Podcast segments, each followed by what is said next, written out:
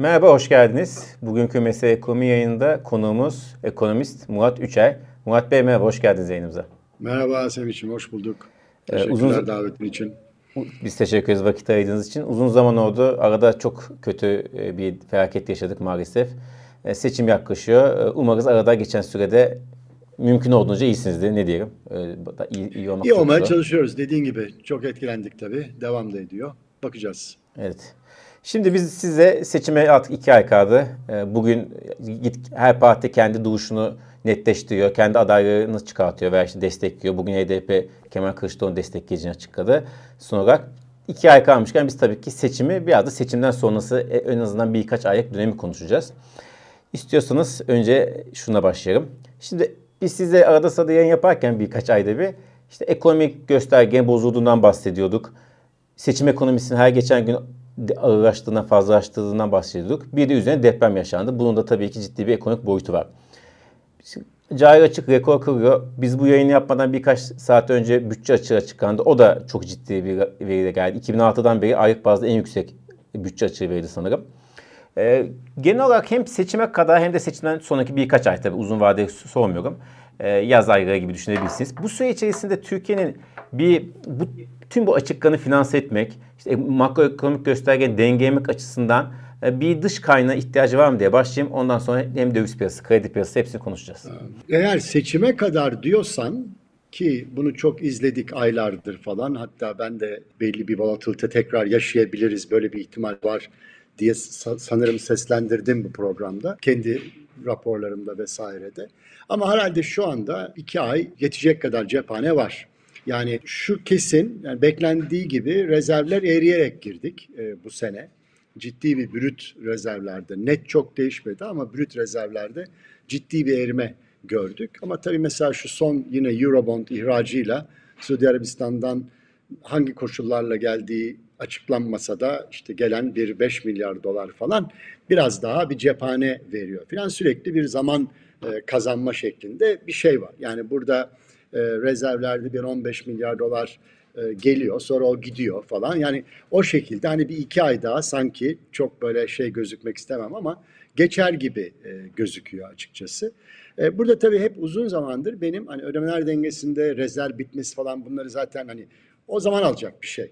Ama hani bunun e, bir e, panik havası yaratması, insanların rezervlerdeki erimeye bakıp kendi mevduatlarıyla ilgili e, şüpheye düşmesi, şeklinde bir mekanizmadan insanlar genellikle konuşuyor. Yani bizim içerideki mevduat sahibinin e, sıkıntılı bir dinamiğinden e, korkuluyor. Ama e, o da olmuyor gibi. Yani bir türlü bankalar ciddi zararına da olsa insanları işte sistemde tutmayı beceriyorlar. O da yani iyi bir şey. Sonuçta hani insanların sisteme güveni devam ediyor. Bu iki taraf yani bence bizi seçime kadar götürür gibi e, gözüküyor. Ama tabii her zaman bir siyasi bir tetik olsun, bir şey olsun her zaman bir çalkantı e, olabilir. Yani bu işler bugüne kadar iyi gitti, bundan sonra iyi gidecek olamayabiliyor. Bir anda sentimen çok ters, e, çok çabuk değişebiliyor pardon. Şimdi e, biraz önce söylediğiniz banka bir şekilde ikna edebiliyor ve insanı sistemde tutabiliyor.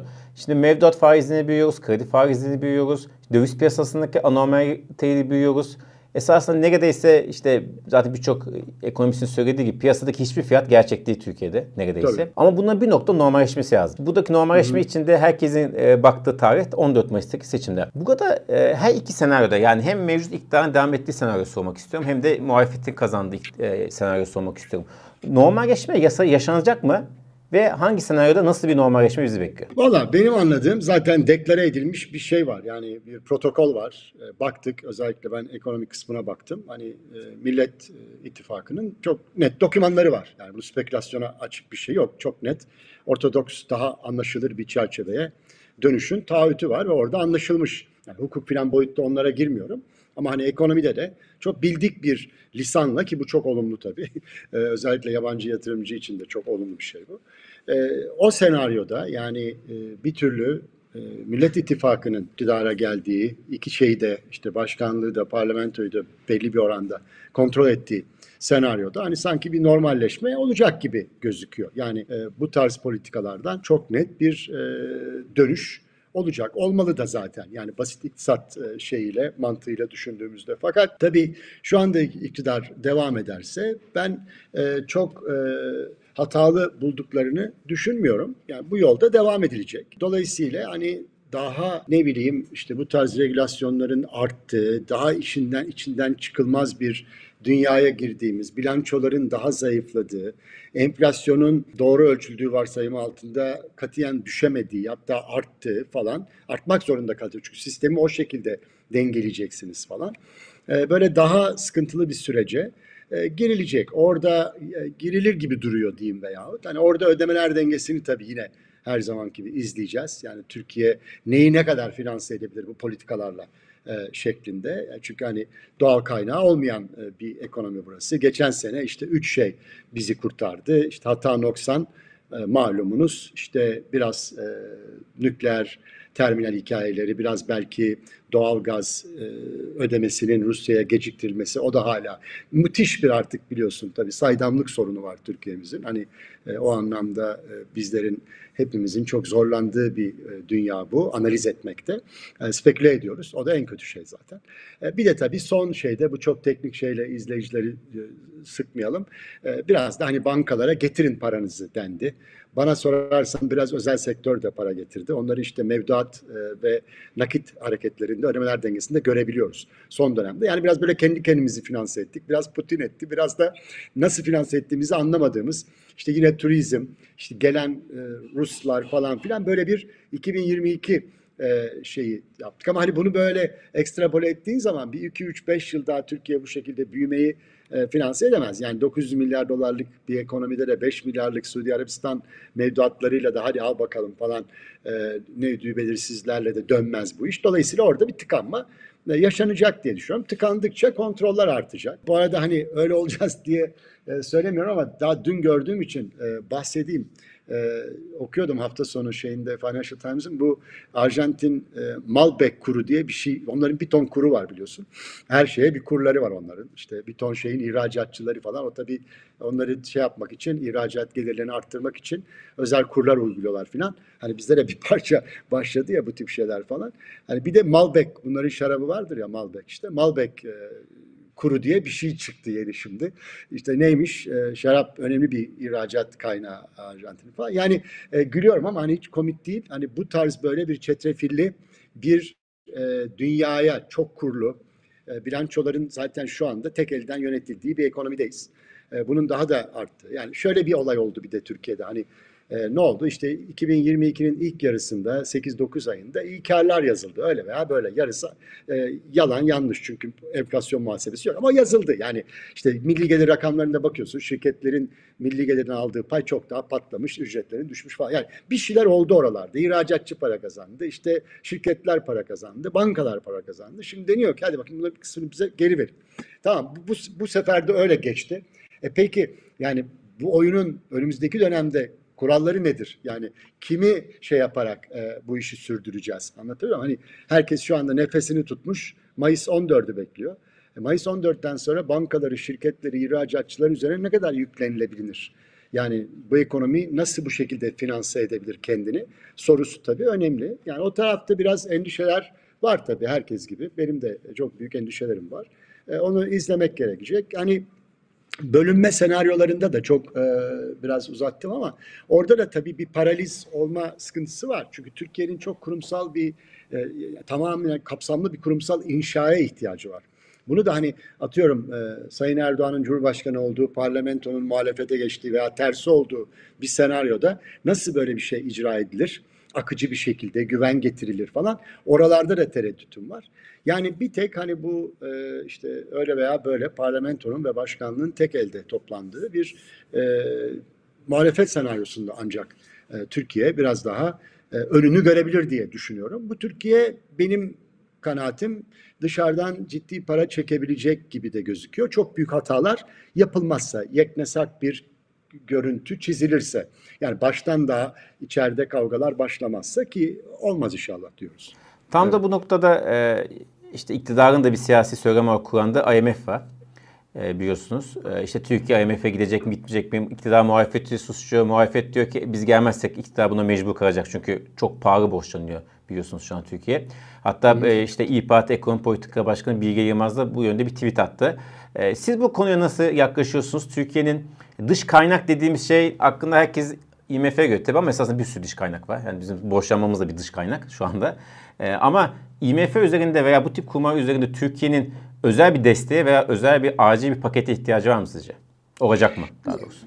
Valla şimdi tabii e, bu büyük felaket e, maliyet tarafını e, zorlayacak tabii. Yani Türkiye'nin cari açığı 35 olacaksa şimdi 50 olacak. Yani bütçe açıkları vesaire. O anlamda hani deprem sonrası yeniden inşa eden kendini Türkiye'nin finansman tarafında bir ihtiyacı olabilir açıkçası. E, ama tabii bu biraz ne kadar dışarıdan sizin IMF'siz programınızın ne kadar dışarıdan para çekebileceğine ve tekrar dış politikada vesaire normalleşmeye gittikçe ne kadar Türkiye zaten IMF'siz kaynak çekebileceğinizin de biraz fonksiyonu. Onun için orada hani bir, biraz beklemek lazım. Fakat yani normalde hani siyasi bir e, şey olmasa IMF bence yani çok net bir şekilde yanımıza alınması gereken bir kurum.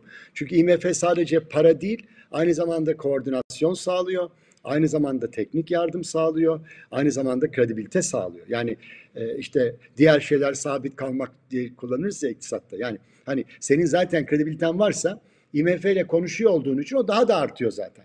Yani dolayısıyla e, aslında e, çok şey ama tabii mali seçimler 2024 falan da önümüzde olduğu için falan hani IMF ile de ilgili bence çok yanlış seninle böyle çok sık şey yapamıyoruz ama galiba programların birinde görüşmüştük. Yani IMF ile ilgili de bir algı bozukluğu var. Aslında Türkiye'nin en parlak dönemi tekrarlamayacağım merak etme 2002-6 dönemidir. Çok ironiktir o. Yani o dönemde işte felaket mahvolduk falan falan edebiyatları vardır ama baktığın zaman birçok gösterge işte ihracatıyla, verimliliğiyle, gelir dağılımıyla falan e, aslında iyi bir dönemdir o dönem. E, yani dolayısıyla hani bu bir türlü anlatabilirse iktidar IMF'yi bence halk da kabullenir. Yani e, iş dünyası zaten kabullenir.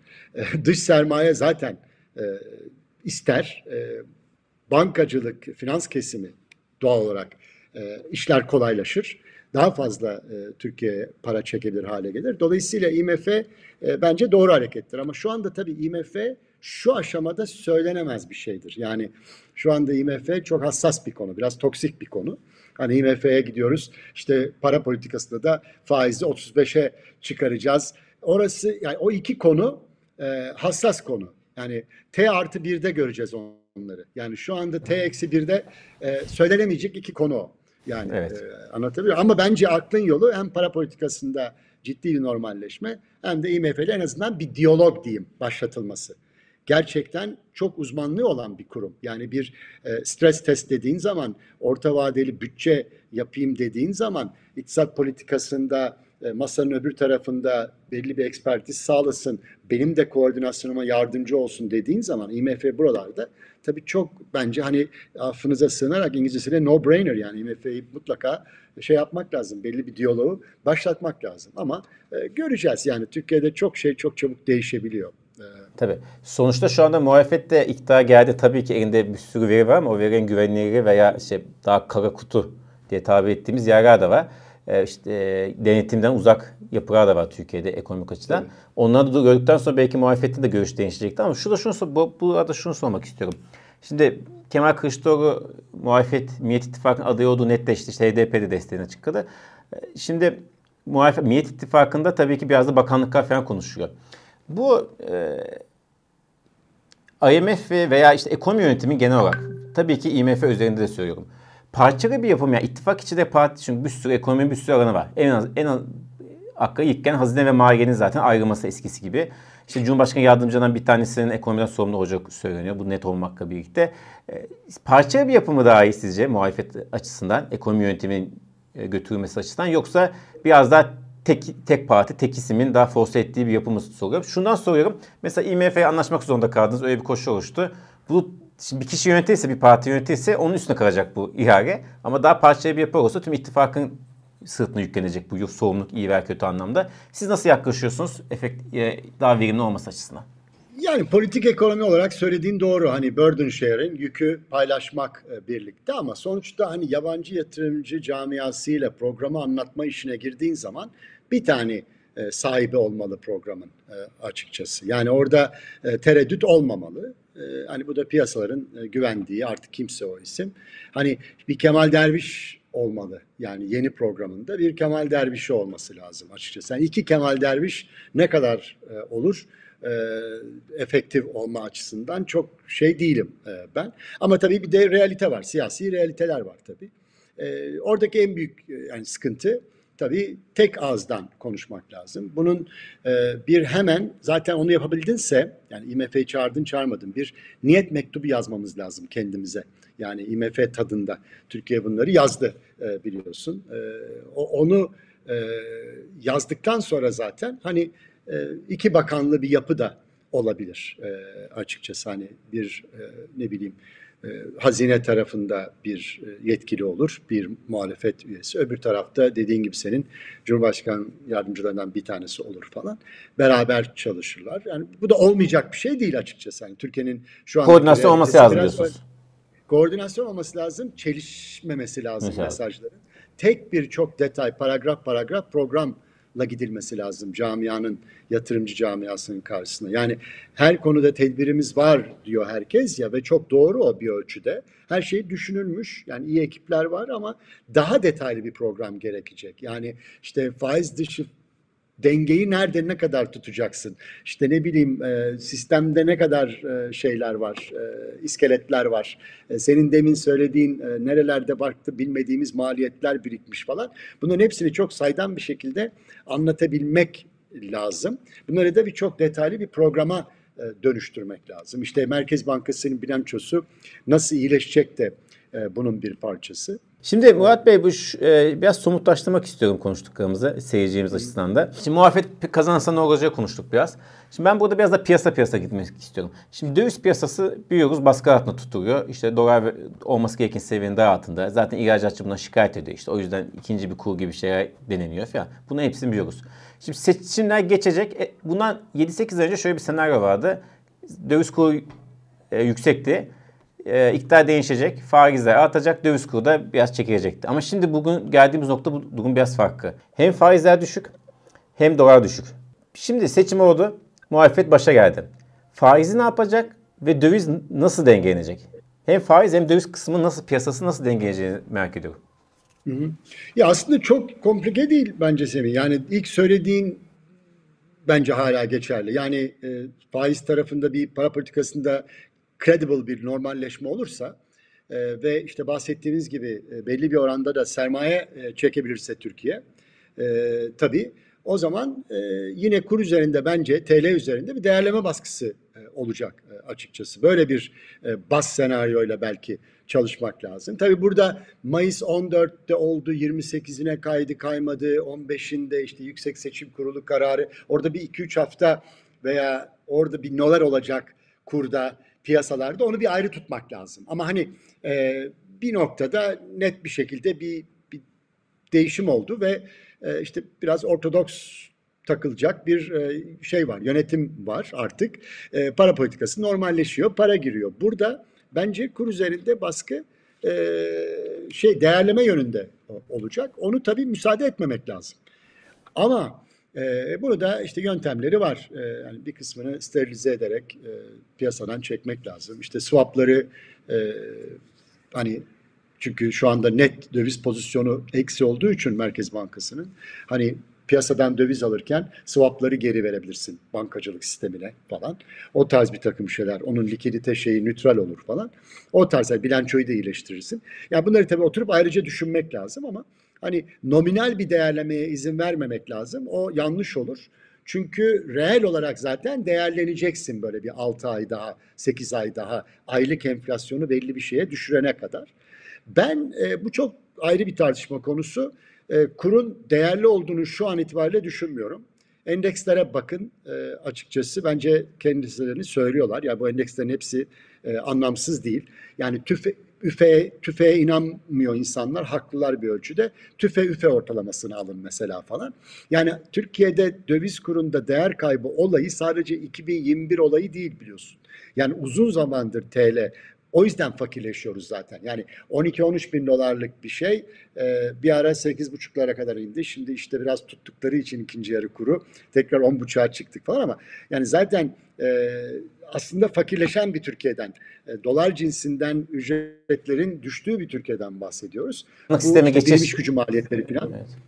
Başkanlık sistemi geçti gayet Branson'dan sonra zaten sürekli değer kaybediyor esasında. Yaşar. Aynen öyle. Yani orada o para politikası deneyine e, giriştiğimizden beri Türk lirası değer kaybediyor ve Türkiye üretkenlikle onun üzerinden zenginleşmek yerine bunu çok söyledim hani e, fakirleşerek bir avantaj elde etmeye çalışıyor gibi bir model benimsemiş gibi gözüküyor. Seçerek veya seçmeyerek mecburiyetten artık bilemem. Öyle olduğu için zaten hani böyle birdenbire Türk lirası acayip değerli değil. Yani çok kompleks bir ortamda insanlar. Yani o kadar çok İngilizcesiyle distortion var ki boz, o kadar bozukluk var ki.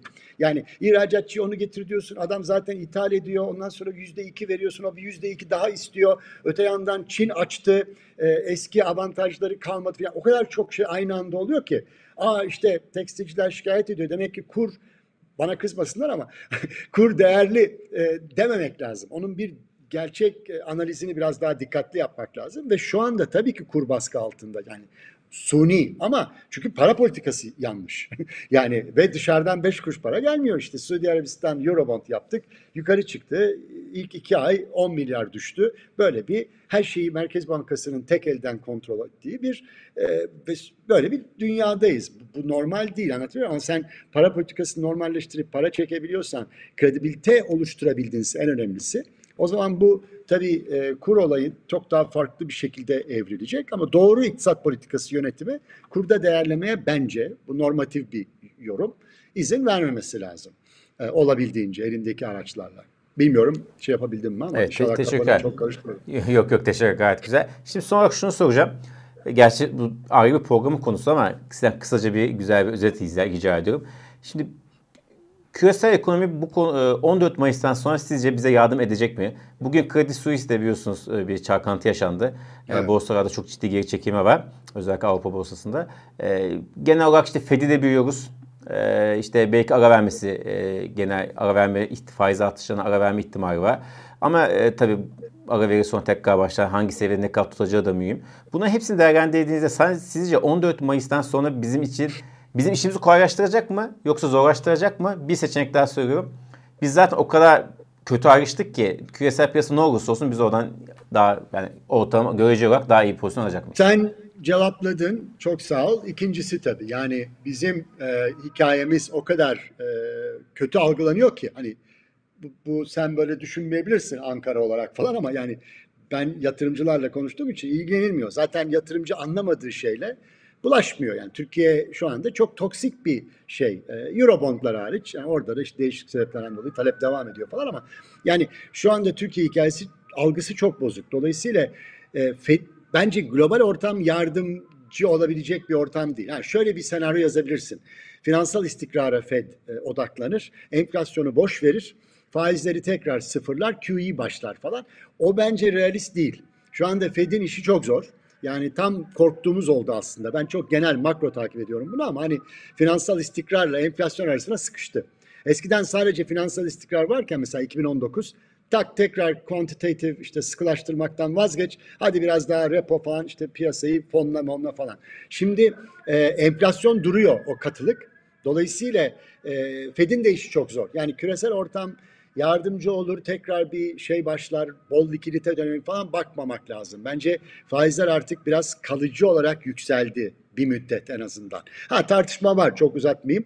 Ee, işte enflasyonu kontrol altına alırsak acaba faizler tekrar eski düzeyine dönebilir mi? Dönemez mi? Hatta e, bu iki baba işte Blanchard'la Summers arasında bir tartışma vardı falan Peterson Enstitüsü falan. E, o ayrı bir şey konusu, e, tartışma konusu ama hani faizler daha yüksek olacak. Ortam daha oynak daha kırılgan. Bu tabii negatif ama öte yandan bizim hani pull push vardır ya hani senin çek, senin yaptıkların doğru şeyler, sermayeyi çeken faktörler e, ve sermayeyi sana iten faktörler. İten faktörler e, çok e, destekleyici olmayacak diye düşünüyorum açıkçası. Bakacağız. Ama sen o kadar çekebilirsin ki sen dediğim gibi gayet güzel cevapladın zaten. E, öbürünü offset, offset edebilirsin. Evet. Bakacağız göreceğiz nasıl yapıyoruz, Evet. ne kadar yapıyoruz. Evet. Çok teşekkür ederiz Murat Bey. Çok sağ olun vakit ayırdığınız için. Rica Belki ederim. vaktiniz olursa seçimden hemen önce bir yayın daha yaparız veya hemen sonra yaparız sizin Tabii programınıza veya göre. 15 Mayıs'ta seçim tahminlerimi verebilirim. Yani ne olur. On- 15 Mayıs'ta. O, mı? o da olur istiyorsan. Peki. Tabii memnuniyetle konuşuruz. Çok teşekkür ederiz. Çok sağ olun vakit ayırdığınız için. İzleyeceğimize teşekkür ediyoruz. Görüşmek üzere. Kolay gelsin. Hepimize kolay gelsin. Sağ olun size.